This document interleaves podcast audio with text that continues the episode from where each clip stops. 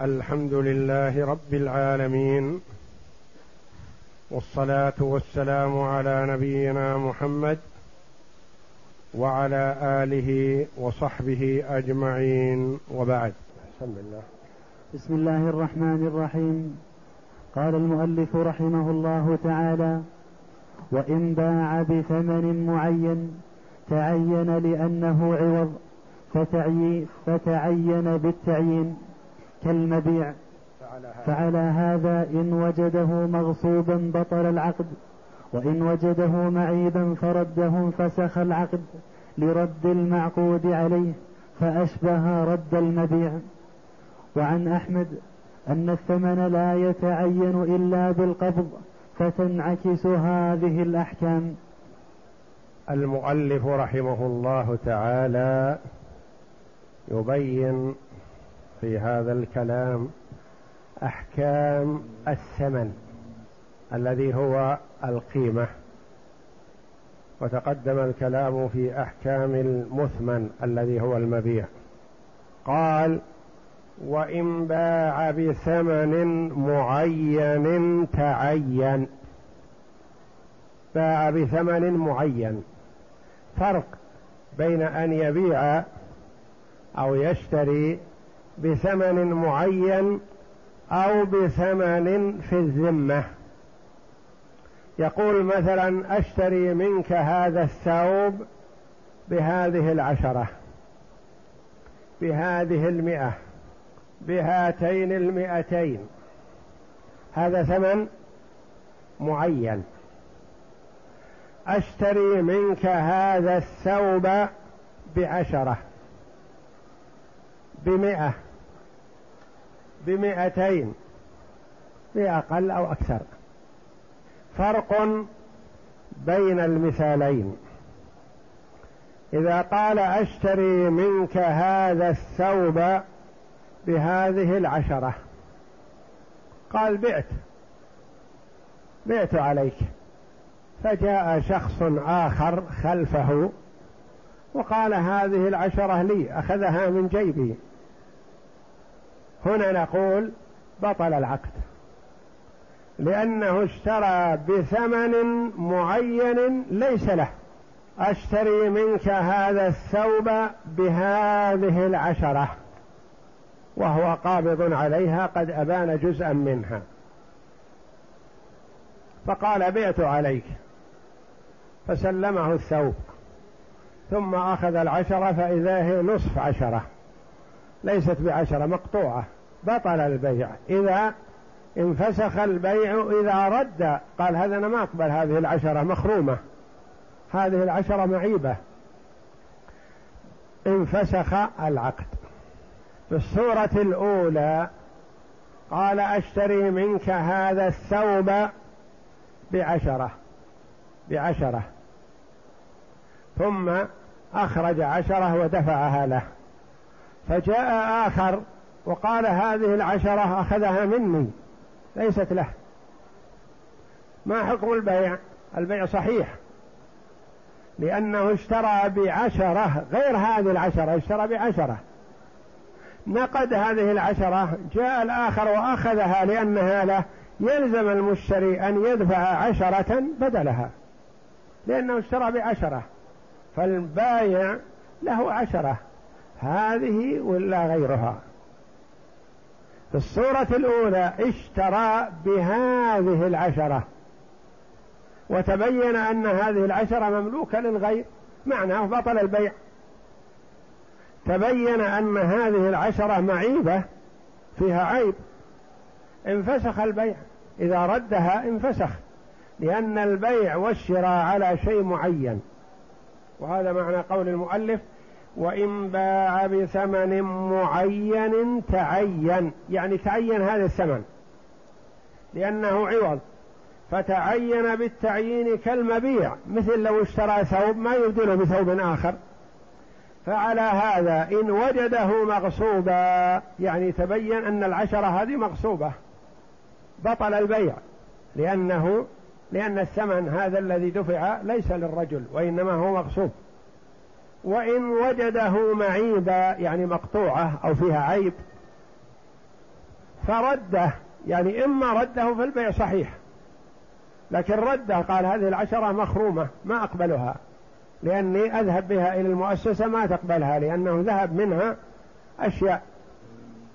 فردها انفسخ العقد يعني العقد ما نقول باطل لكن انفسخ برد الثمن. بخلاف الأولى فالعقد باطل من أصله لأنه دفع ثمنا ليس له مقصود.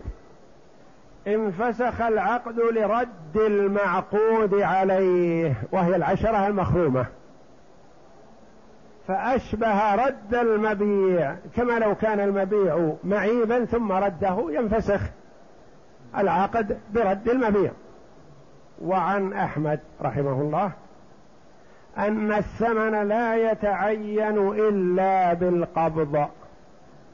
لا يتعين. رواية عن الإمام أحمد. أن الثمن لو قال أشتري منك بهذه العشرة مثلا وتبين أن هذه العشرة مغصوبة يقول ما يتعين هذه العشرة؟ لأن الرجل اشترى بهذه على أنها عشرة وعلى أنه يملكها لكن لما تبين أنه لا يملكها عليه أن يدفع عشرة بدلها. وعن أحمد أن الثمن لا يتعين إلا بالقبض. إذا قبض البائع العشرة ثم جاء ذاك وطالب بها وأخذها من يد البائع يكون يبطل البيع. فتنعكس هذه الأحكام. يعني أنه لا يبطل البيع. إذا اشترى بعشرة مغصوبة ولا يرد المبيع وينفسخ العقد إذا اشترى بعشرة معيبة ما دام أنه لم يقبض هذا المعيب ولم يقبض هذا المغصوب فيبدله بغيره والبيع صحيح. وإن باعه بثمن في الذمة لم يتعين فإذا قبضه فوجده مغصوبا لم يبطل العقد. وإن رده لم ينفسخ لأن الثمن في الذمة. وإن باعه بثمن في الذمة مثل ما مثلت أولا. قال أشتري منك هذا الثوب بعشرة. ثم إن الرجل أخرج من جيبه عشرة وأعطاها ثمنا للثوب وأخذ الثوب. فجاء شخص يطالب بالعشرة يقول هذه العشرة الذي سلمك زيد هذه لي ليست له. فأخذها بحكم الحاكم. فبقي البائع ما استلم الثمن. ينفسخ أو يبطل البيع؟ لا. لا ينفسخ ولا يبطل. يطالبه بعشرة بدل العشرة. لأنه ما اشترى بعشرة معينة وإنما اشترى بعشرة في الذمة. صورة العيب مثلا قال أشتري منك هذا الثوب بعشرة. فقال نعم بعت عليك. فأخرج من جيبه عشرة مصفوطة ودفعها. فلما فلها البايع وجدها مقطعة. فردها بهذا العيب. هل ينفسخ البيع؟ لا. لا ينفسخ. وإنما البيع ثابت ويطالبه بعشرة بدل هذه العشرة لأنها لا تلزم هذه العشرة بعينها. ويلاحظ أنه أحيانا يتمنى البايع أن يبطل البيع. وأحيانا يتمنى المشتري أن يبطل البيع. يعني يبحثان عن بطلانه أحدهما يبحث عن بطلانه يكون أحدهما مغبون ولا يستطيع إثبات الغبن فيقول لعل البيع يبطل بأي طريقة.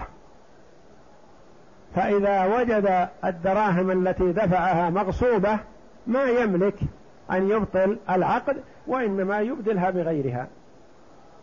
وجدها معيبة لا ينفسخ العقد وإنما يبدلها بسليمة أو يقبلها بأرشها. فصل. والثمن بالذمة يعني ولو لم يكن مؤجل يعني ما سمي. مثلا يقول أشتري منك هذا الثوب بعشرة نقول الثمن بالذمة. أو قال أشتري منك هذا الثوب بهذه العشرة. هذا ليس في الذمة وإنما هو معين. نعم. فصل. ولا يجوز بيع الملامسة والمنابذة لما روى أبو سعيد الخدري أن النبي صلى الله عليه وسلم نهى عن بيعتين الملامسة والمنابذة. والمنابذة والمنابذة أن يقول إذا نبذت إذا نبذت إلي هذا الثوب فقد وجب البيع. والملامسة أن يمسه بيده ولا ينشره متفق عليه. ولا يجوز بيع الملامسة والمنابذة. هذه صورتان من صور البيع غير الصحيح لوجود الغرر فيهما. والملامسة يقول مثلا أي ثوب من هذه الأثواب لمسته فقد وجب البيع عليك بكذا. لأنه قد يلمسه فإذا نشره وجده يختلف. أو يقول أي ثوب وقعت عليه يدك فهو لك بكذا لأن قد تقع يده على ثوب بعشرة وقد تقع يده على ثوب بريالين وقد تقع يده على ثوب بمئة. هذا في جهالة وغرر. والمنابذة. يقول انبذ إلي واحدا من هذه الأثواب بكذا. فكذلك هذا في جهالة وغرر لأنه قد ينبذ إليه بثوب لا يساوي ريالين وقد ينبذ إليه بثوب يساوي مئة. فهاتان الصورتان من صور البيع ممنوعتان لوجود الجهالة والغرر. نعم.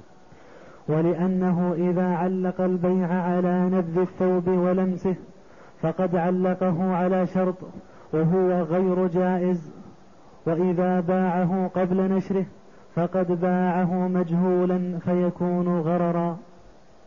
ولأنه إذا علق البيع على نبذ الثوب أو لمسه فقد علقه على شرط.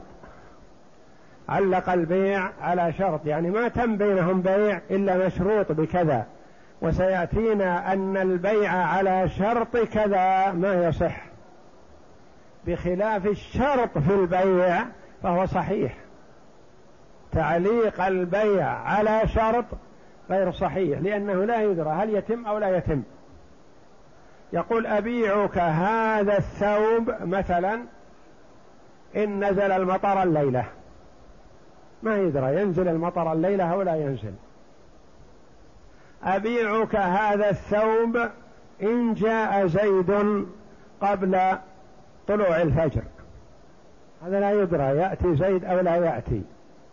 لكن إذا قال أبيعك هذا الثوب على أن تسلمني الثمن خلال ثلاثة أيام. هذا صحيح لأن هذا بيع بشرط. بشرط تسليم الثمن خلال هذه المدة وإلا فلا تم البيع. فلا فيلزم يعني يطالب به. فالبيع على شرط لا يصح والبيع بشرط يصح إذا كان من مصلحة العقد. لأن البيع على شرط ما تم ما صار بيع. وهل يصير بيع أو لا يصير؟ الله أعلم. أبيعك هذا الثوب مثلا إذا قدم الحجاج. ما يدرى متى يقدمون الحجاج ولا يدرى هل يتم البيع أو لا يتم. وإن باعه قبل نشره يعني إذا الثوب المطوي الذي على لمس إن باعه على لمسه فقط ففيه جهالة وغرر. وإن كان البيع قبل نشره وفله ففيه جهالة وغرر. فلذا ما صح البيع. نعم. ولا يجوز بيع الحصاة لما روى أبو هريرة أن النبي صلى الله عليه وسلم نهى عن بيع الحصاة رواه مسلم. ولا يجوز بيع الحصاة لماذا؟ لأن في جهالة وغرر يقول هذه الحصاة أنا أرميها على الثياب الذي تقع عليه الحصاة لي بعشرة. فتقع فقد تقع الحصاة على ثوب بعشرة وقد تقع على ثوب بمئة فيأخذه بعشرة وقد تقع على ثوب لا يساوي ريال فيأخذه بعشرة. هذه من صوره. ومن صور البيع الحصاة يقول أنا أرمي بهذه الحصاة في هذه الأرض فإلى حد بلغت فهو لك بألف. ويقول الثاني قبلت. فقد يرمي الحصاة وتقع بعد عشرة أمتار وقد يرمي الحصاة وتقع بعد مئة وخمسين مترا ففيه جهالة وغرر. والنهي عن هذه البيوع لما فيها من الجهالة والغرر. نعم. وهو أن يقول ارم هذه الحصاة فعلى أي ثوب وقعت فهو لك بكذا. وقيل هو أن يقول بعتك من هذه الضيعة بقدر ما تبلغ هذه الحصاة إذا رميتها بكذا. الضيعة الأرض أو المزرعة أو المكان نعم. وكلاهما غير صحيح لأنه غرر. لأنه غرر لأنه لا يدرى أين تقع هذه الحصاة. على ثوب غالي أو رخيص ولا يدرى أين تقع هذه الحصاة. مقدار الأمتار الذي تقع عليها الحصاة قد تقع على عشرة أمتار وعشرين مترا وقد تقع على مئة وخمسين مترا ومائتي متر. ففيه جهالة وغرر. نعم. ولا يجوز بيع حبل الحبلة. حبل, حبل الحبلة. حبل الحبلة. لما روى ابن عمر قال نهى النبي صلى الله عليه وسلم عن بيع حبل الحبلة. متفق عليه. قال أبو عبيدة هو بيع قال أبو عبيد هو بيع ما يلد حمل الناقة وقيل هو بيع السلعة بثمن إلى أن يلد حمل الناقة وكلاهما لا يجوز لأنه على التفسير الأول بيع معدوم مجهول وعلى الثاني بيع بثمن إلى أجل مجهول. ولا يجوز بيع حبل الحبلة. وتقدم لنا هذا في عمدة الأحكام. أنه محتمل أن حبل الحبلة هو المبيع. يقول هذه الناقة حامل. في بطنها ولد. أبيعك ولد الولد. نفرض أن هذا الحمل أنثى. فإذا بلغت هذه الأنثى وولدت أبيعك ولدها. ولد ولد الحمل. ويحتمل أن حبل الحبلة أجل. يقول أبيعك هذه الدار بألف على أن أسلمك الثمن أو تسلمني الثمن متى ولد ولد الناقة هذه. ما يدرى ولد الولد هذا متى؟ بعد سنة أو سنتين أو ثلاث أو خمس أو عشر. ففي الصورة الأولى هو مبيع. حبل الحبلة مبيع. ولد الحمل مبيع. وهذا في جهالة وغرر وفي الصورة الثانية هو أجل. وهذا الأجل لا يدرى هل هو قريب أم بعيد. ولا يجي ولا يجوز تعليق البيع على شرط مستقبل كمجيء المطر وقدوم زيد وطلوع الشمس لأنه غرر ولأنه عقد معاوضة فلم يجز تعليقه على شرط مستقبل كالنكاح. تقدم لنا قريبا ولأنه إذا علق البيع على نبذ الثوب ولمسه فقد علقه على شرط. هذا البيع على شرط. ولا يجوز تعليق البيع على شرط مستقبل كمجيء المطر وقدوم زيت وطلوع الشمس لأنه غرر. هو هنا ما باعه على أجل كذا أجل طلوع الشمس يصح لأن الشمس معروف وقت طلوعها. أجل غروب الشمس معلوم.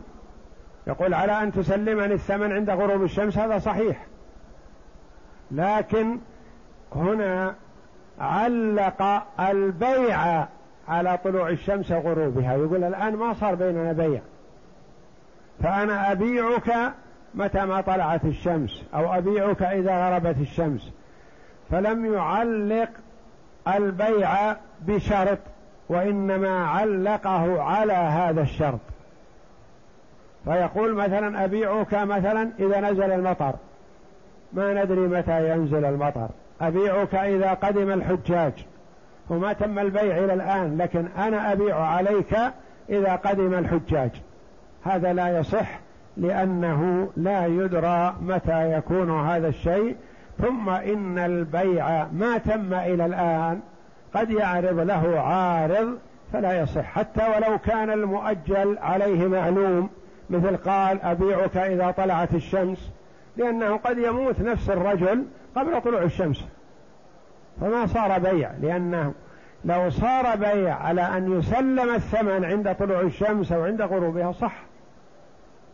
لأن هذا أجل مات أو ما مات يسدد في هذا الوقت.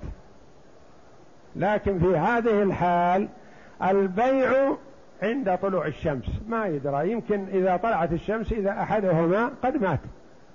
ما صار بيع.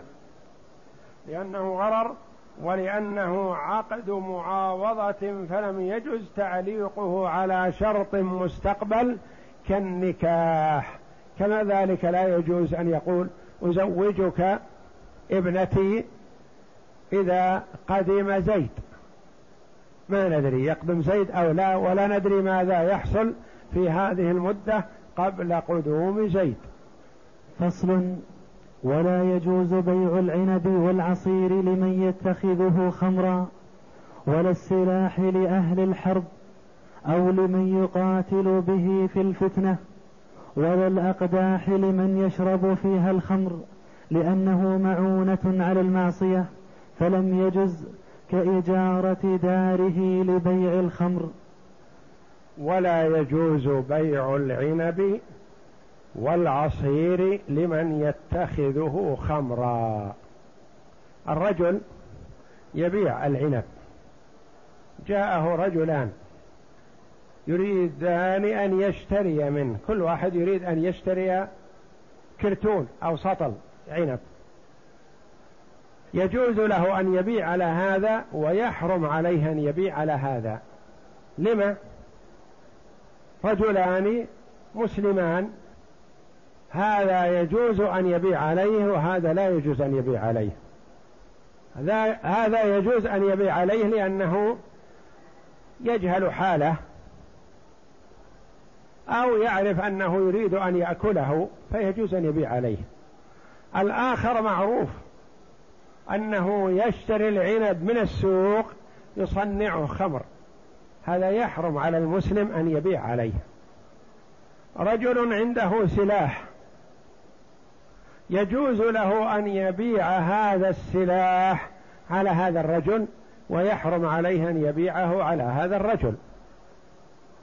يجوز له أن يبيعه على هذا الرجل لأنه يريد أن يتعلم فيه أو يريد أن يصيد فيه الصيد المباح أو أنه يريد أن يسافر في البرية ويخشى من اللصوص فيبيع فيشتري سلاح فله ذلك. لكن هذا الآخر لا يجوز له أن يبيع عليه لأنه يريد أن يقاتل به في فتنة. حصل فتنة بين قبيلتين أو بين بلدين أو بين ولايتين فجاء أصحاب ولاية يريدون أن يشتروا السلاح. يحرم على المسلم أن يبيع عليهم لأن هذا إعانة في الفتنة. والله جل وعلا يقول وتعاونوا على البر والتقوى ولا تعاونوا على الإثم والعدوان. جاء شخص يريد أن يستأجر هذه الدار ليسكنها. لك أن تؤجره ولا حرج عليك. جاء آخر يريد أن يستأجر هذا الدار ليتخذ فيها مصنع للخمر. يحرم عليك أن تؤجره لأنك تعين على الإثم والعدوان. جاء هذا الرجل يريد أن يستأجر منك هذا الدكان أو هذا المكتب لأنه يريد أن يبيع به أطعمة أو أقمشة أو أواني أو أي شيء من الآنية المباحة. لك أن تؤجره. جاء آخر يريد أن يستأجر منك هذا الدكان أو هذا المكتب أو هذه العمارة ليتخذ فيها بنكا ربويا. معروف أنه يستأجرها سيضعها بنك كذا ومعروف أن بنك كذا يتعامل بالربا ولا يتحاشى. يحرم عليك أن تؤجره لأن هذا من الإعانة على الإثم والعدوان. فإذا علم الرجل أنه يتخذ هذا الشيء مثلا للمحرم فيحرم عليك أن تؤجره أو تعينه لأن الله جل وعلا يقول وتعاونوا على الإثم والعدوان ولا تعاونوا على الإثم وتعاونوا على البر والتقوى ولا تعاونوا على الإثم والعدوان. آخر جاء ليستأجر منك هذه الدار. ومعروف أنه يضع فيها شيء من المحرمات. تعرف هذا ما يجوز لك أن تؤجره.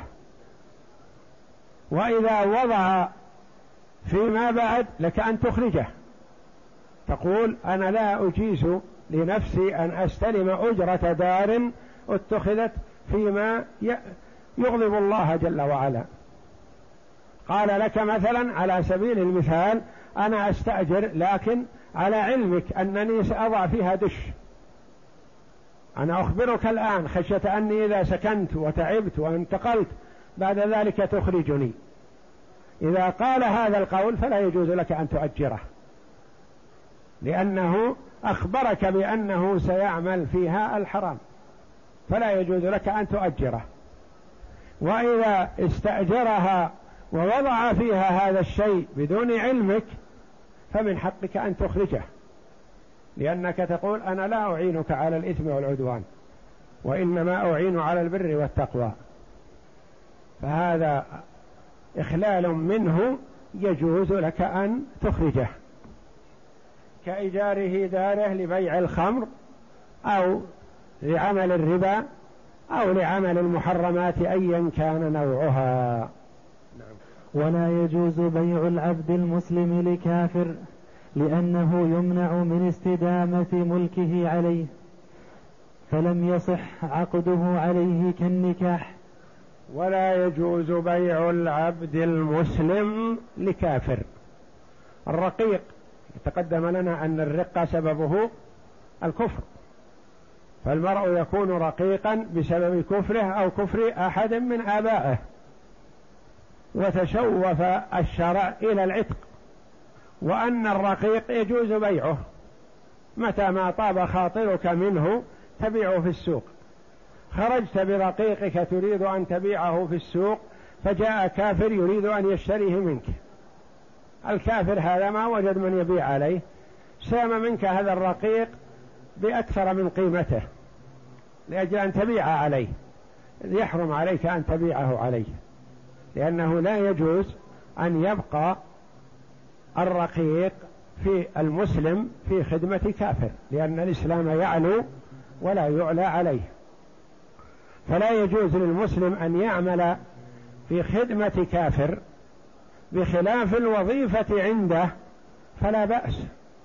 يعني يؤجر نفسه ليعمل عملا مستقلا لا في خدمته لا بأس.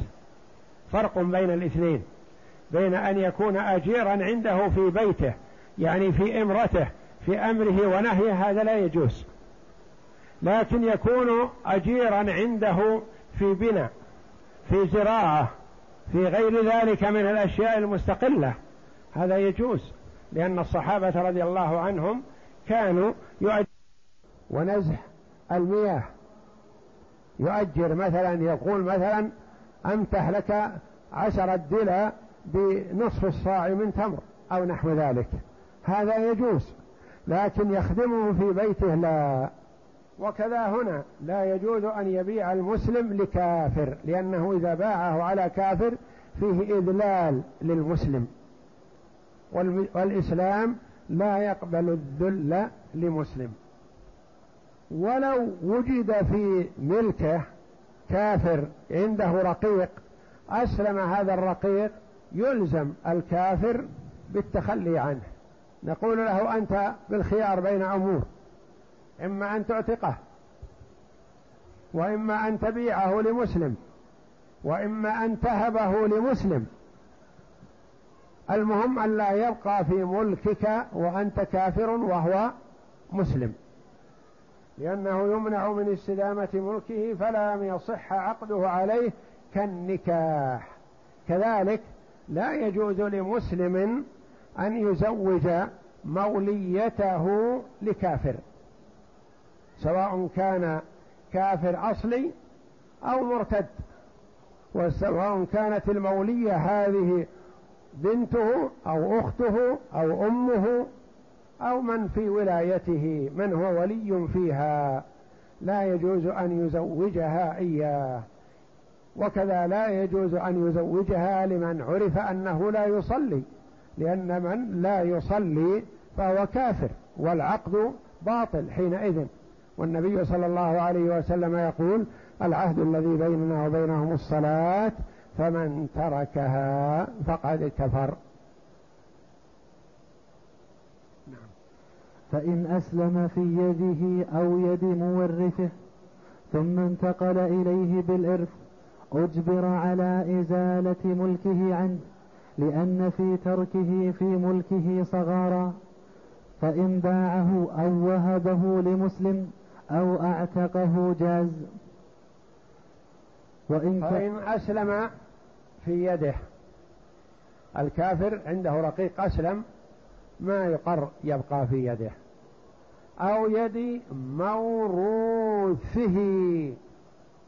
يد موروثه.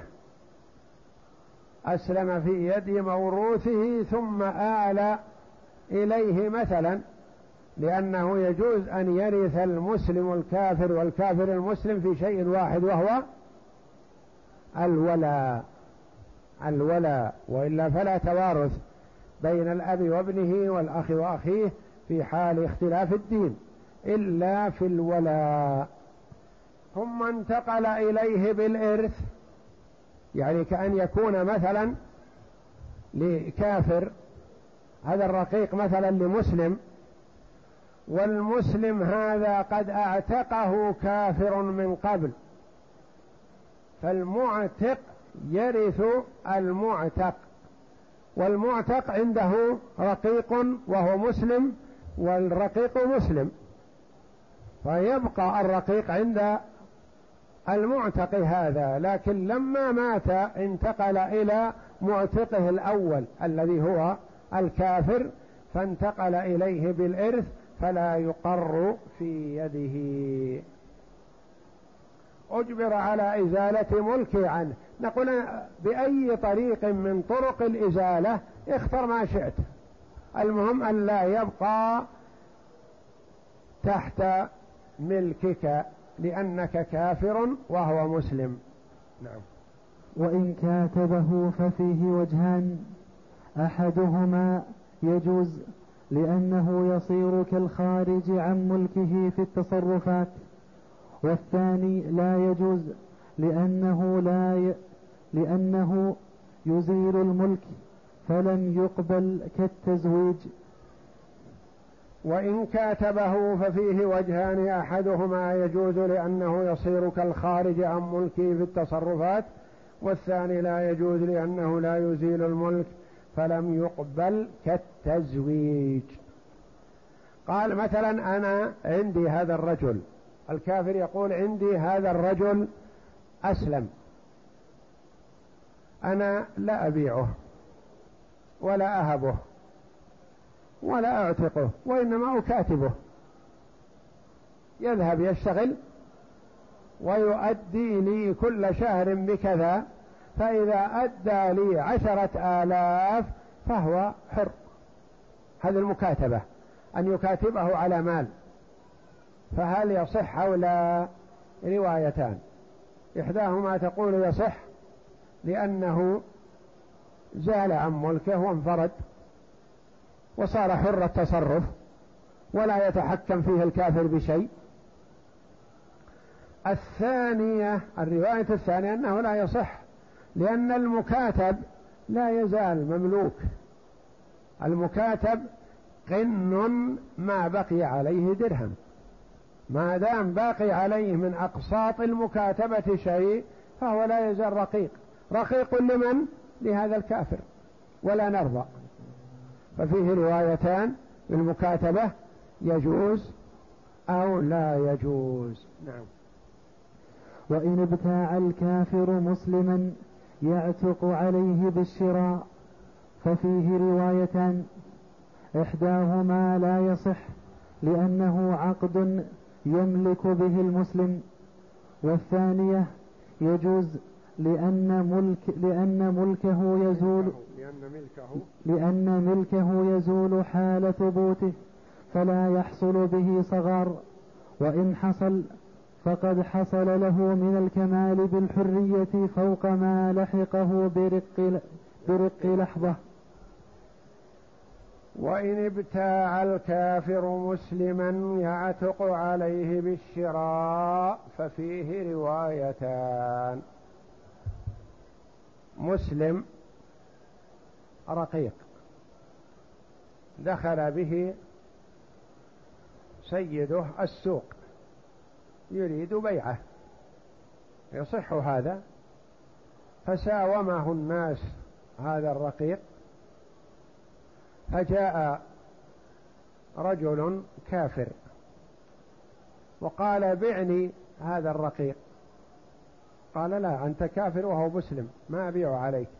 قال هذا أبي. إذا بعته علي الآن عتق علي قبل أن أصل إلى داري. أو قال هذا أخي. إذا بعته علي الآن عتق. أنتم تريدون أن لا يبقى في ملكي وهو ما يبقى. هذا يعتق علي حال العقد. إذا تم العقد بيني وبينك عتق. أتحرمون أبي من العتق وهو مسلم. له ما لكم وعليه ما عليكم. هذا أخوكم أبي وأنا سأعتقه رغم أنفي. هو يعتق علي. أو وجد أخته تباع أو نحو ذلك. هذا الذي يعتق عليه. لأن المرأة إذا اشترى ذا محرم منه عتق عليه. اشترى أمه عتقت عليه بمجرد الشراء. اشترى أباه اشترى أخاه اشترى ابنه عتق عليه. في بيعنا عليه من يعتق عليه روايتان. إحداهما تقول يصح. لما؟ لأنه بهذا البيع يعتق. ونحن لا نحرم هذا الرقيق العتق نحب أن يعتق. يأتينا آت يقول أنتم تبيعونه على كافر. يقول تحت ولاية وذل الكافر يذله. أخوكم المسلم. نقول نحن وإياه نتحمل ذل لحظة. لأن ذل هذه اللحظة يوصله إلى الحرية ونحن نتشوف إلى الحرية. فنتحمل ذل لحظة من أجل الحرية. هذه رواية تقول يصح. الرواية الأخرى تقول لا يصح لأنكم تبيعونه على كافر. ولكن التصحيح في مثل هذا لعله أولى والله أعلم. لأنه قال والثانية يجوز لأن ملكه يزول حال ثبوته يعني حال ثبوت البيع. فلا يحصل به صغار. وإن حصل صغار فهو لحظات. وإن حصل فقد حصل له من الكمال بالحرية. حصل له صغار ذل دقيقة أو أقل. حصل مقابلها حرية والشرع يتشوف إلى الحرية. فقد حصل له من الكمال بالحرية فوق ما لحقه برق لحظة لأنه يعتق على طول. إذا قلت له أبيعك هذا بألف ثم نقدك الألف تم البيع وصار رقيق له فعتق عليه. في الحال وإن قال الكافر لمسلم اعتق عبدك عني.